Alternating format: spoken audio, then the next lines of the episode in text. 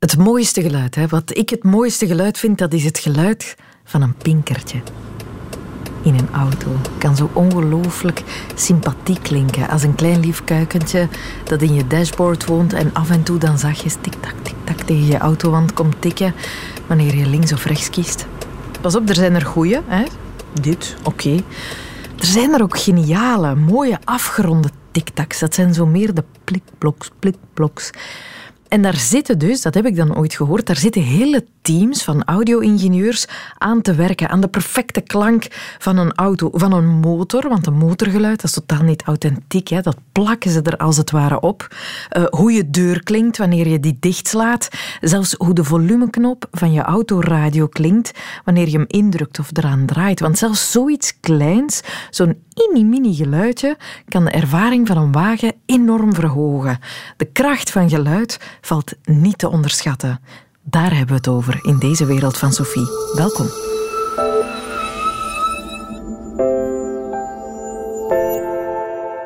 De wereld van Sophie.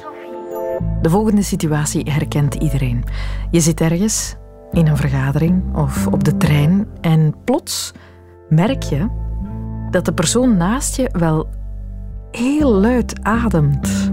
Maar echt heel luid adem, belachelijk luid. En je probeert in je boek te lezen, maar dat lukt natuurlijk niet meer, want die maniacale adem naast je overstemt op dat moment alles. Heel, heel ergerlijk. De meesten onder ons kunnen dat relativeren. Je beseft binnen enkele minuten stap ik van deze trein af, dan moet ik deze walgelijke luchtverkrachter nooit meer zien, maar dat lukt niet iedereen. Dit soort dingen zijn de dingen die Janne de Weer knettergek maken. En dat heeft verrassend veel invloed op haar leven. Luister even mee. Smekken. Dus smakken, uh, eetgeluiden voornamelijk. Ook uh, neus optrekken is iets heel voorkomend. Maar ook uh, stilo's die knipperen, mensen die kuchen. In het eerste moment een beetje ergernis, een beetje woede. woede. Angst kan ik het niet noemen, maar voornamelijk woede. Van ik zou die persoon iets kunnen, kunnen aandoen. Dat gevoel gaat er wel door mij heen. Ja. Maar het is ook niet echt enkel alleen um, auditief. Het is ook visueel. En bij mij is dat ook wel iets dat redelijk naar voren komt. Dat is ook een beetje kenmerkend aan misofonie. Mensen die uh, eigenlijk constant aan haar prutsen, wat ik eigenlijk zelf ook soms doe. Of mensen die met een schuddend been, eigenlijk vooral repetitieve bewegingen, ja, mijn focus gaat naar daar en ik kan niets anders meer... Ja, niets anders komt binnen buiten die visuele focus. Ik heb ook een vriendin die heel veel aan haar nagels bijt. Ik hoor dat niet, maar ik zie dat en ik kom daar nerveus, woedend van. Als ik voor het in de auto rijd en ik kijk in mijn achteruitkijkspiegel en ik zie iemand van een appel eten of een kauwgom, kan ik al een keer aan mijn stuur toch uh, ja, een keer lelijk kijken in mijn achteruitkijkspiegel. Overlaatst ben ik eigenlijk uh, alleen gaan wonen op een appartement en ik had heel wat geluiden. Bijvoorbeeld het tik. Ik wist niet van waar dat, komt, maar op een appartement kan dat ja, van alles zijn. Ik uh, ja, begon een beetje te flippen aan elke muur in het appartement met mijn oor luisteren. Zodra dat ik wist wat dat het was, het was eigenlijk de rolluiken die tegen, van de wind eigenlijk tegen het raam botsen. En dan is het oké, dan weet ik, het gaat er over gaan, het geluid even geduld, de muziek luid, uh, de dampkap aanzetten, doe ik ook vaak. Alle geluiden die eigenlijk het storende geluid overheersen. Maar ik zeg als ik het geluid niet kan lokaliseren, is het heel moeilijk. Ja, dus ben ik terug naar huis gekomen. En nu, ik zou heel graag in de nabije toekomst uh, uitkijken voor iets. Maar ik ben alleen. Dat is ook heel moeilijk om iets uh, te huren, te kopen alleen. Die alleenstaand is, liefst. Of ik zou willen een maand of twee maanden een keer logeren in het huis dat ik zou willen kopen. Om te kijken, lukt dat hier wel? Want ik weet dat er geluiden... Je kunt dat niet met één bezoek... Ja, je hebt het niet onder controle. Je weet niet wanneer dat iemand zijn tv aanlegt. Je weet niet wanneer dat er iemand met hakken boven u gaat wandelen. Je weet niet wanneer dat de lift open en toe gaat. Dat hoorde ik ook. Een vergadering. Uh, ik kom toe. Er staat een doos met koekjes, koffietassen. Ja, dan moet ik al inschatten wie smekt er, wie niet. Waar kan ik mij positioneren oh wee, als die een stoel al bezet is door iemand anders, dan moet ik naast die persoon gaan zitten die smakt. Ja, vaak doe ik dan subtiel met één vinger in mijn oren dat ik het eigenlijk niet hoor. Of probeer ik toch ervan onder te muizen om even naar het toilet te gaan totdat dat koekje zou op zijn. Ook bij familiefeestjes hetzelfde. Ik kan perfect zeggen wie van mijn gezin, familie, ja, er smekt en neus optrekt. En dus ja, onbekende situaties zijn moeilijk, maar als ik op voorhand al een beetje kan nadenken over mijn positie in de ruimte, is het oké. Ja. Maar is vervelend, ja. Als ik uh, één iets zou mogen wensen, moest ik opnieuw geboren worden, was het alles hetzelfde, maar zonder dat. Dat ik zou kunnen slapen waar ik wil, functioneren waar ik wil, niet aan mensen moeten vragen om te stoppen. Ja, dat is wel... Het is niet leuk. Ik ben als, allee, als kind zat ik vaak onder de haardroger. Ik doe dat nu nog. Soms kan ik in een half uur de haardroger aanleggen, gewoon niets. Ik zit daar, de haardroger ligt op, het, op de tafel. Omdat ik dan niets anders hoor dan dat geluid. En voor mij is dat samen.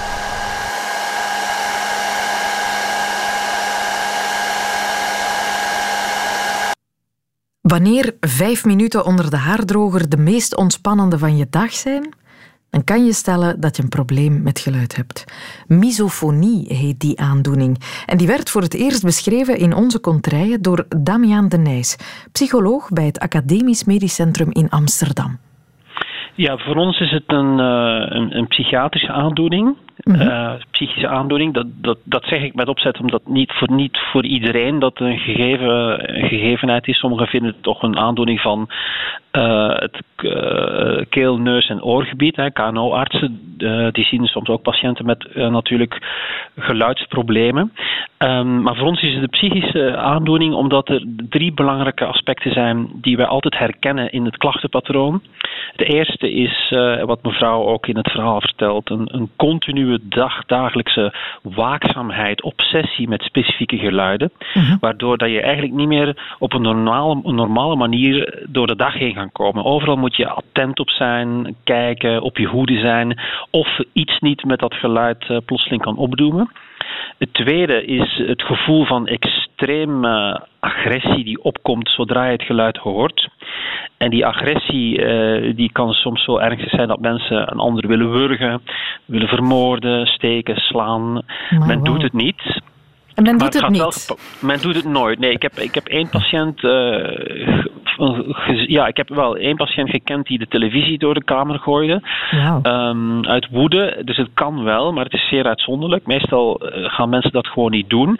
Maar je, worstelt wel met het gevoel van controleverlies. Dus dat is wel belastend. Dus je voelt je woede opkomen en je, je wilt er natuurlijk niet aan toegeven. Dus je, moet daar iets mee doen. Mhm. En dan leidt het tot de derde grote um, eigenschap of belangrijk kenmerk. Dat is het, het vermijden van die geluiden. Door inderdaad weg te lopen, te verhuizen. Of het stiekem neutraliseren door het maken van tegengeluiden. Mm. Uh, waardoor dat je het geluid ook niet hoort. Dus sommige mensen hebben een enorme complexe strategie om aan tafel met stoelen te schuiven of met hun voet te schuiven, waardoor dat ze dat, dat geluid waar ze echt zo'n hekel aan hebben niet moeten horen. Zoals Janna onder een haardroger gaat zitten, gewoon om te kunnen ontspannen, dat er maar één geluid is. Ja, Inderdaad, ja, ja, ja. zeker. Bijzonder. Gaat het altijd om ergernis tegenover dezelfde soorten geluiden, zoals smekken, slurpen, neus ophalen? Ja, meestal wel. We hebben, we hebben nu in uh, Amsterdam uh, op onze afdeling in de afgelopen vijf jaar denk ik iets van een 2000 mensen gesproken. Uh, en we hebben bij iedereen heel nauwkeurig de vraag gesteld welke geluiden. en daar, daar komt een top uit, een top van, van 50 verschillende geluiden. Dat kan soms enorm variëren, maar die in die eerste die, die lijst bovenaan staat bijna altijd een, een typisch mensengeluid als dat iets met eten te maken heeft, smakken. Um, ja, eetgeluiden, maar ook ademhalen, snurken, neusgeluiden. Dus menselijke geluiden. Uh, die eigenlijk heel veel voorkomend zijn, die mensen zelf ook maken, die lijden aan misofonie, maar waar ze zich dood aan ergeren. Mhm. En dan kan het gaan tot heel gevarieerde uh, geluiden. Wat belangrijk is wel, is dat mensen zich alleen ergeren aan geluiden die gemaakt worden door mensen die de verantwoordelijkheid over dat geluid kunnen dragen. Met andere woorden, misofoniepatiënten hebben geen last van geluiden van baby's. Ah, ja. Omdat, ja, omdat die eh, baby's, ja, die, die kunnen daar niks aan doen. Uh, dus, het is een soort verwijtende ergernis. Ja, die, de agressie heeft niets te maken met het geluid, maar heeft te maken met het gegeven dat men denkt: hoe kan jij nu niet weten dat je nu geen appel moet eten in mijn bijzijn? Hoor je dan niet hoe storend dat is? Ook, waarom eet je die zak chips en uh, begrijpen niet dat dat zoveel lawaai maakt?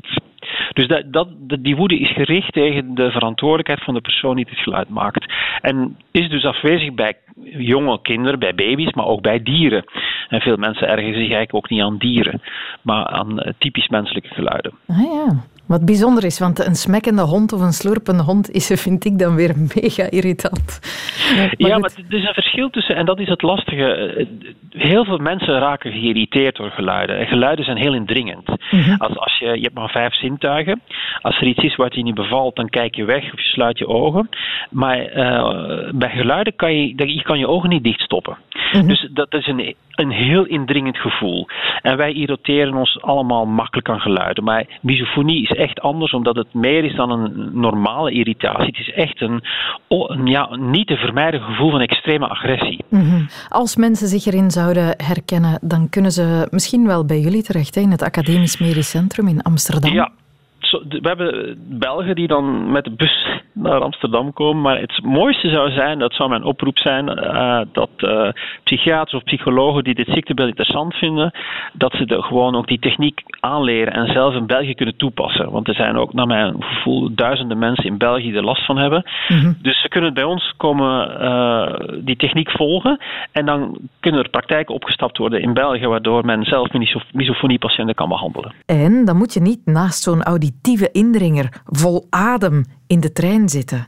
De perfecte oplossing tegen extreme hinder van geluid van psycholoog Damian de Nijs. Nu, wist je dat de juiste muziek, de juiste geluiden op het juiste moment ook helend kunnen werken? Natuurgeluiden en zo? dit soort dingen heel rustgevend, maar het gaat nog verder.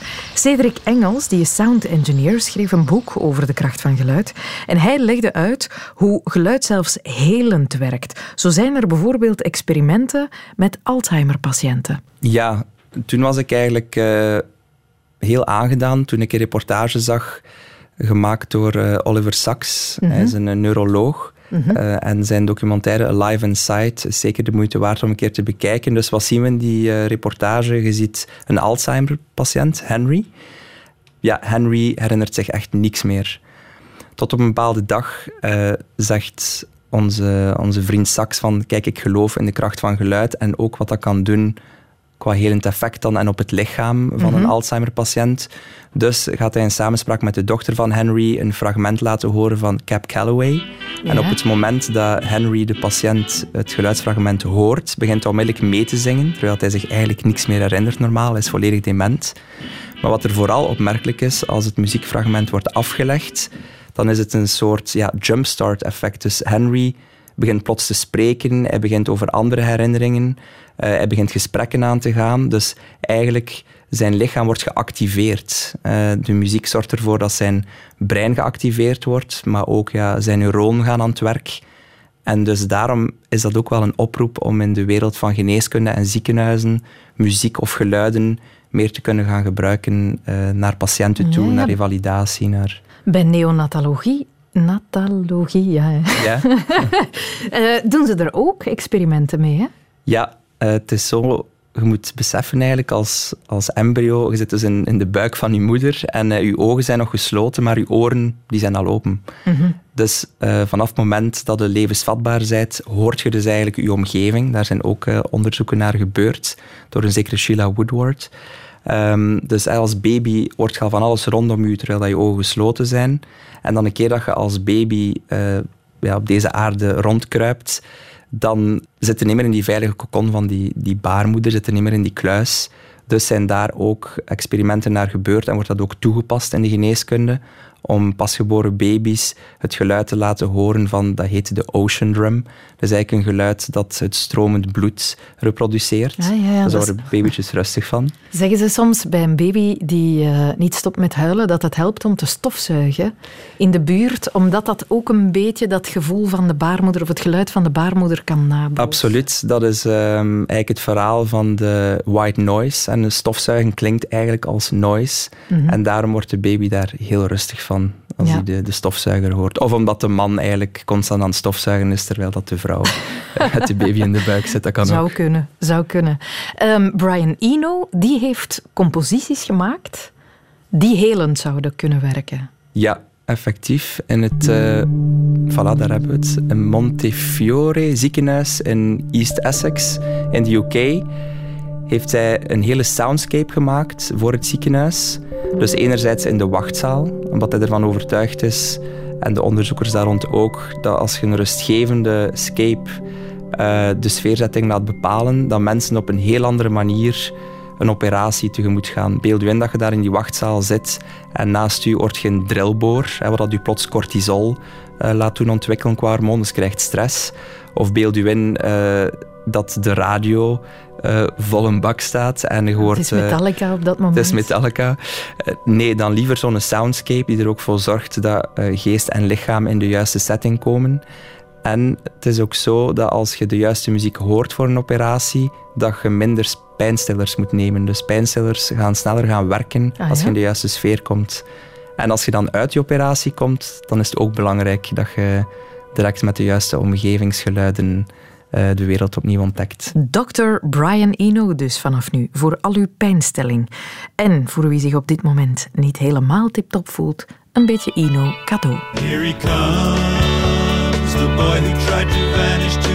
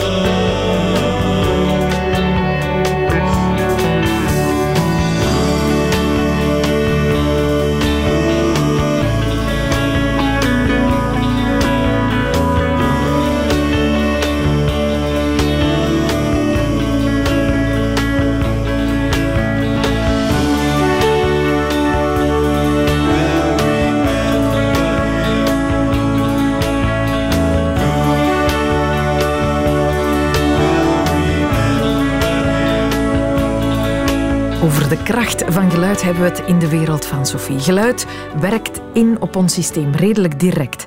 Tenzij met een koptelefoon kunnen we ons heel moeilijk weren tegen geluid. Komt binnen en je reageert wel haast instinctief. Positief of negatief. Mm, zalige pinker, Oh, walgelijke snuiver. En het kan ook verontrusten. Onduidelijke geluiden, geluiden die we niet begrijpen. En zo gebeurt het dat een geluid al wel eens het gespreksonderwerp van de dag wordt. Wat is dit volgens jou?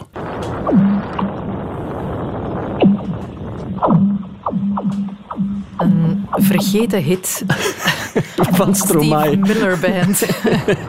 Nee, nee, dit is een geluid dat dus maandenlang in het nieuws geweest is in Rusland. Het zijn opnames die gemaakt zijn door een fotografe tijdens een wandeling over een enorm bevroren meer in Ah ja. Siberië. Ik ging net zeggen, het heeft iets waterig. Ja, eh, er zijn nieuwsploegen van over de hele wereld naar komen kijken en luisteren dus vooral. En volgens sommigen was dit het ultieme bewijs dat er buitenaardse wezens waren die contact met met ons. Ik had het Middels over fantasie.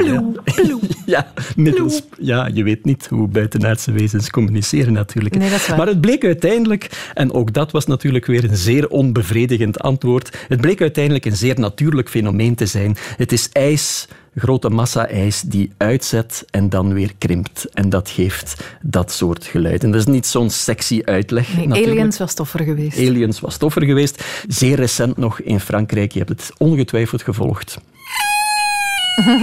Maurice. Ja, de haan Maurice. Hè. Da- Daar is zelfs een rechtszaak van gekomen. Maurice mocht blijven kraaien uiteindelijk. Maurice was trouwens niet de enige. Er was een gelijkaardig verhaal in de Dordogne met een, ehm, een echte protestgroep tegen brulkikkers. Daar is ook een proces van gekomen. De brulkikkers mochten blijven brullen. Ja, want er was een buurman die, de haan Maurice, het zwijgen wilde opleggen. Hè? ja. Iemand met een buitenhuisje op Ile d'Oléron. Ja, en daar ontstond dan een hele ja, conflict over tussen de, de locals en de toeristen. En dat werd een symbooldiscussie voor iets dat veel breder ging dan dat geluid. Maar het was wel het geluid die de hele discussie in gang eh, heeft gezet. Je vindt het overal. In de Gironde bijvoorbeeld is er vorig jaar, en niet alleen vorig jaar, zijn er heel veel klachten over landbouwgerelateerde geluiden. Geluiden van landbouwbedrijven, maar ook dierengeluiden, geloei van koeien enzovoort. Die klachten die komen er zo vaak dat het regionale bestuur daar gaat proberen om die geluiden, die landbouwgeluiden, te laten erkennen als UNESCO-werelderfgoed.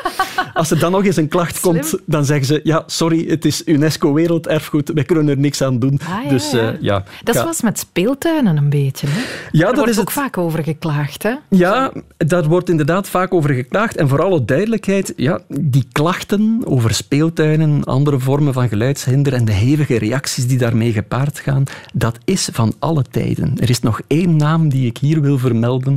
Julia Barnett Rice. Ja. Julia Barnett Rice woonde in het begin van de 20e eeuw in New York, langs de Hudson.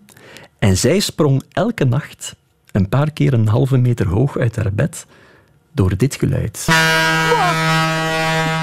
Je zou voor minder een halve meter uit je bed springen. Het is, het is het geluid, het is het getoeter van eh, sleepboten op de Hudson. En ze is dat gaan onderzoeken en ze heeft eigenlijk vastgesteld dat dat getoeter dat dat niet meer is vaker dan gewoon een begroeting tussen twee eh, bestuurders van zo'n sleepboot. Dat dat eigenlijk geen enkel praktisch nut heeft, dat getoeter, maar dat het gewoon dient als hallo. Yo. Een beetje zoals motaars hun been uitsteken naar elkaar als ze elkaar kruisen op de autosnelweg. Maar ze is er dus zo gek van geworden dat ze dat geluid officieel heeft laten registreren, de gevolgen voor de gezondheid ook heeft laten meten door een aantal dokters. En zo lag ze in 1907 al aan de basis van 's werelds oudste geluidswetten. Ze heeft ervoor gezorgd dat er stiltezones rond ziekenhuizen en scholen konden komen. In 1907, eh, 1907 al. Leven Julia Barnett Rice. De wereld van Sophie.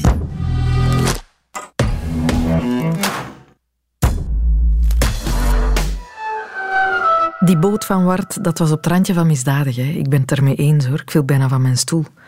Laat ons er wat ASMR tegenaan kletsen om het goed te maken. ASMR, dat is die hele rage waarbij mensen zichzelf ja, gaan verwennen door naar zachte, zoete geluiden te luisteren. Voetstappen in de sneeuw. Of iemand die heel langzaam met zijn of haar nagels langs de tandjes van een kammetje ratelt. Of een mooie stem die gewoon wat brabbelt. Of gewoon gefluister. Ik heb eens een ASMR-interview met comedian Wim Helze gedaan, omdat we wilden weten of je ook een ander gesprek krijgt wanneer je fluistert. Wat vind je van dit, van dit fluisterinterview? Weet je nog wie onkel van Grauwel Onkel, die Radio Engert uit het Luchtpaleis. Ik heb heel vreemd een beetje het gevoel alsof ik een soort nokkel van Grauwel rol aan het spelen ben. Alsof je vieze bedoelingen hebt. Ja, Ja, ik heb het mij vaak afgevraagd of het een interview zou beïnvloeden. Mocht je alles fluisteren? vanaf het moment dat we ons niet meer bewust zijn het fluisteren zijn, niet meer waarschijnlijk. Maar ik blijf me er wel van Ik ook voorlopig. bewust. Ja, Ik weet niet wat het kantelpunt is waarop fluisteren gewoon de nieuwe standaard wordt. ik vermoed dat dat na een uur of drie is. Oké, daar heb ik nu geen tijd voor, jammer genoeg. Alle begrip. Ja, maar kende je het fenomeen van ASMR al? Nee, ik had er nog niet van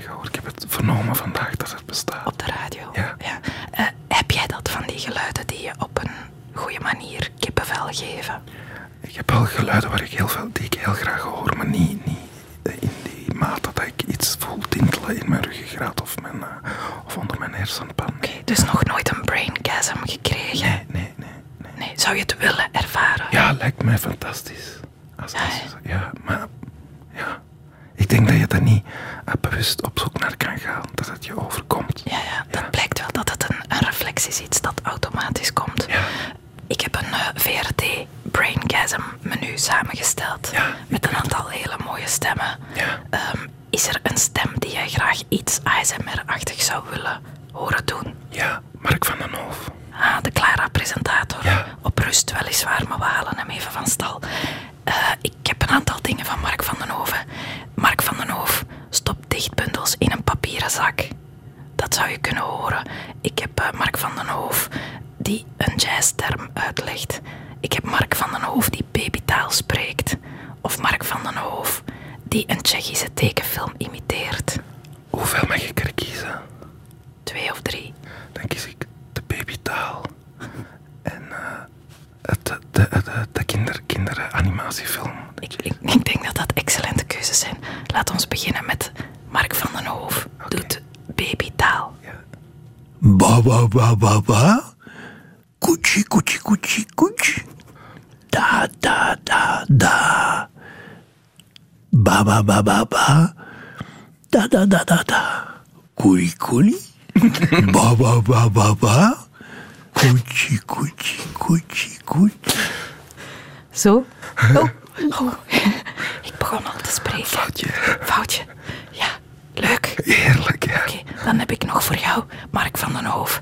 Imiteert bijna een volle minuut lang Tsjechische kinderfilms. Ja. Hier komt hij.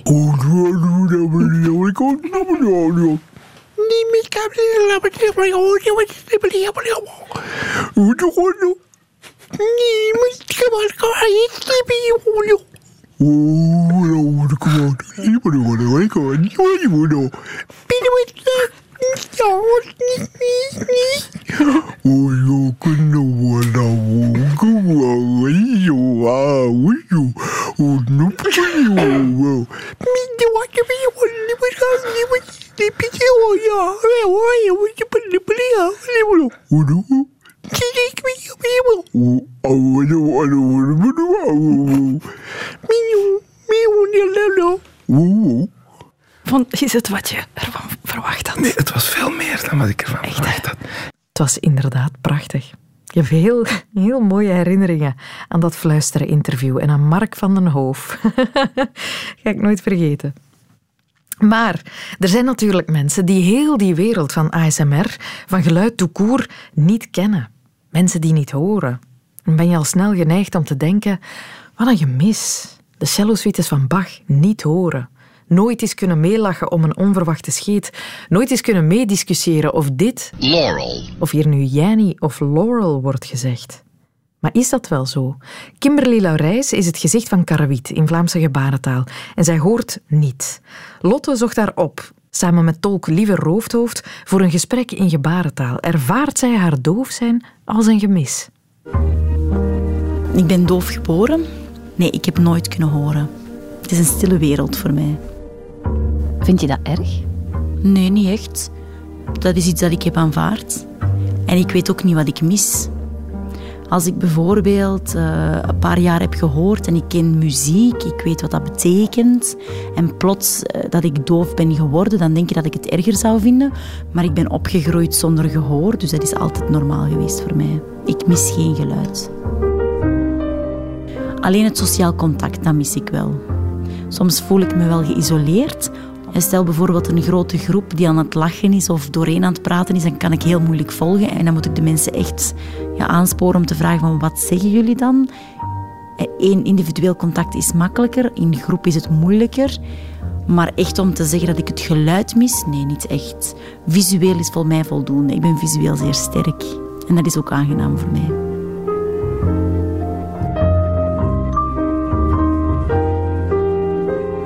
Hoor jij echt niks? Hoor jij ook niet iets, een geluid in je oor? Of, of...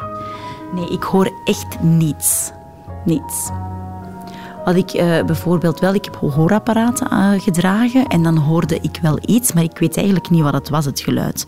Ik hoorde wel iets, maar ik kon het niet thuisbrengen wat het was. Als een persoon aan het praten was, is het nu de wagen of is, zijn het een, is het een voorwerp dat valt? Dat, dat, dat wist ik niet. Ik wist ook niet vanuit welke richting het geluid kwam. Dus voor mij is dat echt iets dat niet bekend is. Dus ik heb die hoorapparaten ook heel snel terug uitgedaan. Je was gelukkiger zonder geluid. Klopt. Klopt. Als je droomt s'nachts, is dat dan ook zonder geluid? Soms zie ik mezelf bijvoorbeeld gebaren in mijn dromen. Dat ik een discussie heb met iemand en dan zie ik mezelf staan, dan zie ik gebaren. Ik zal niet praten in mijn droom. Ik kan me wel voorstellen dat geluid wel kracht kan hebben op iemand. Soms bijvoorbeeld als ik naar een fuif ga of naar een discotheek. Ik probeer altijd zo dicht mogelijk bij de boksen te gaan staan. Uh, en dan, voel ik wel echt de pas en de trillingen, die voel ik wel. En soms denk ik dat ik het ook wel kan horen, want ik voel het in mijn ik voel het ook wel. En als ik dan opnieuw naar buiten ga, dan voel ik, voel ik de beats nog altijd wel. Maar ik weet dan eigenlijk niet, is het dan echt geluid of is het dan psychisch? Of omdat ik gewoon ook heel dicht bij die boxen stond. Dus ja, ik weet ook niet goed... Uh... Heb je het gevoel dat je iets mist omdat je niet kan horen? Nee, ik heb mijn eigen taal, ik kan communiceren, ik kan op een andere manier omgaan. Nu, misschien mis ik wel muziek. Heel veel mensen zeggen bijvoorbeeld in de middelbare school vroeger dat vrienden tegen mij zeiden van ja, zonder muziek kan je gewoon, ik kan niet leven zonder muziek. Maar dat is iets dat ik gewoon niet ken. Ik weet ook gewoon niet wat ik mis. Als je zou mogen kiezen, zou je dan liever horend willen zijn? Ja, dat is echt een moeilijke vraag. Omdat ik eigenlijk uh, nooit horend ben geweest, dus ik kan dat ook niet vergelijken. Nu, als ik rondkijk, dan, ja, dan denk ik, dove personen hebben het soms moeilijker, moeten meer hun best doen op school, moeten tolken inschakelen, moeten meer inspanningen doen om de communicatie vlotter te laten verlopen. De horende personen, daar gaat het automatischer mee, daar gaat het vlotter. Misschien voor die reden, maar langs de andere kant, het doof zijn vind ik wel speciaal. En ik vind het ook echt een hele mooie taal, de gebarentaal. Ik ben fier op mijn taal dat ik het kan. Ik, kan het, ik heb vier kinderen, die zijn ook alle vier horend. Maar we voeden ze wel op met de Vlaamse gebarentaal. En daarom toch ben ik wel tevreden en content dat ik doof ben. En ik moet lobbyen en ik moet vechten voor mijn doelen te bereiken. Maar dat maakt mij wel een sterk persoon. En daar ben ik best fier op. Nog een bewijs van hoe je soms snel gaat oordelen over hoe een ander de wereld beleeft. Hè? Iemand die niet hoort en nooit gehoord heeft, mist dat geluid ook niet. Ze zijn zelfs gelukkiger zonder.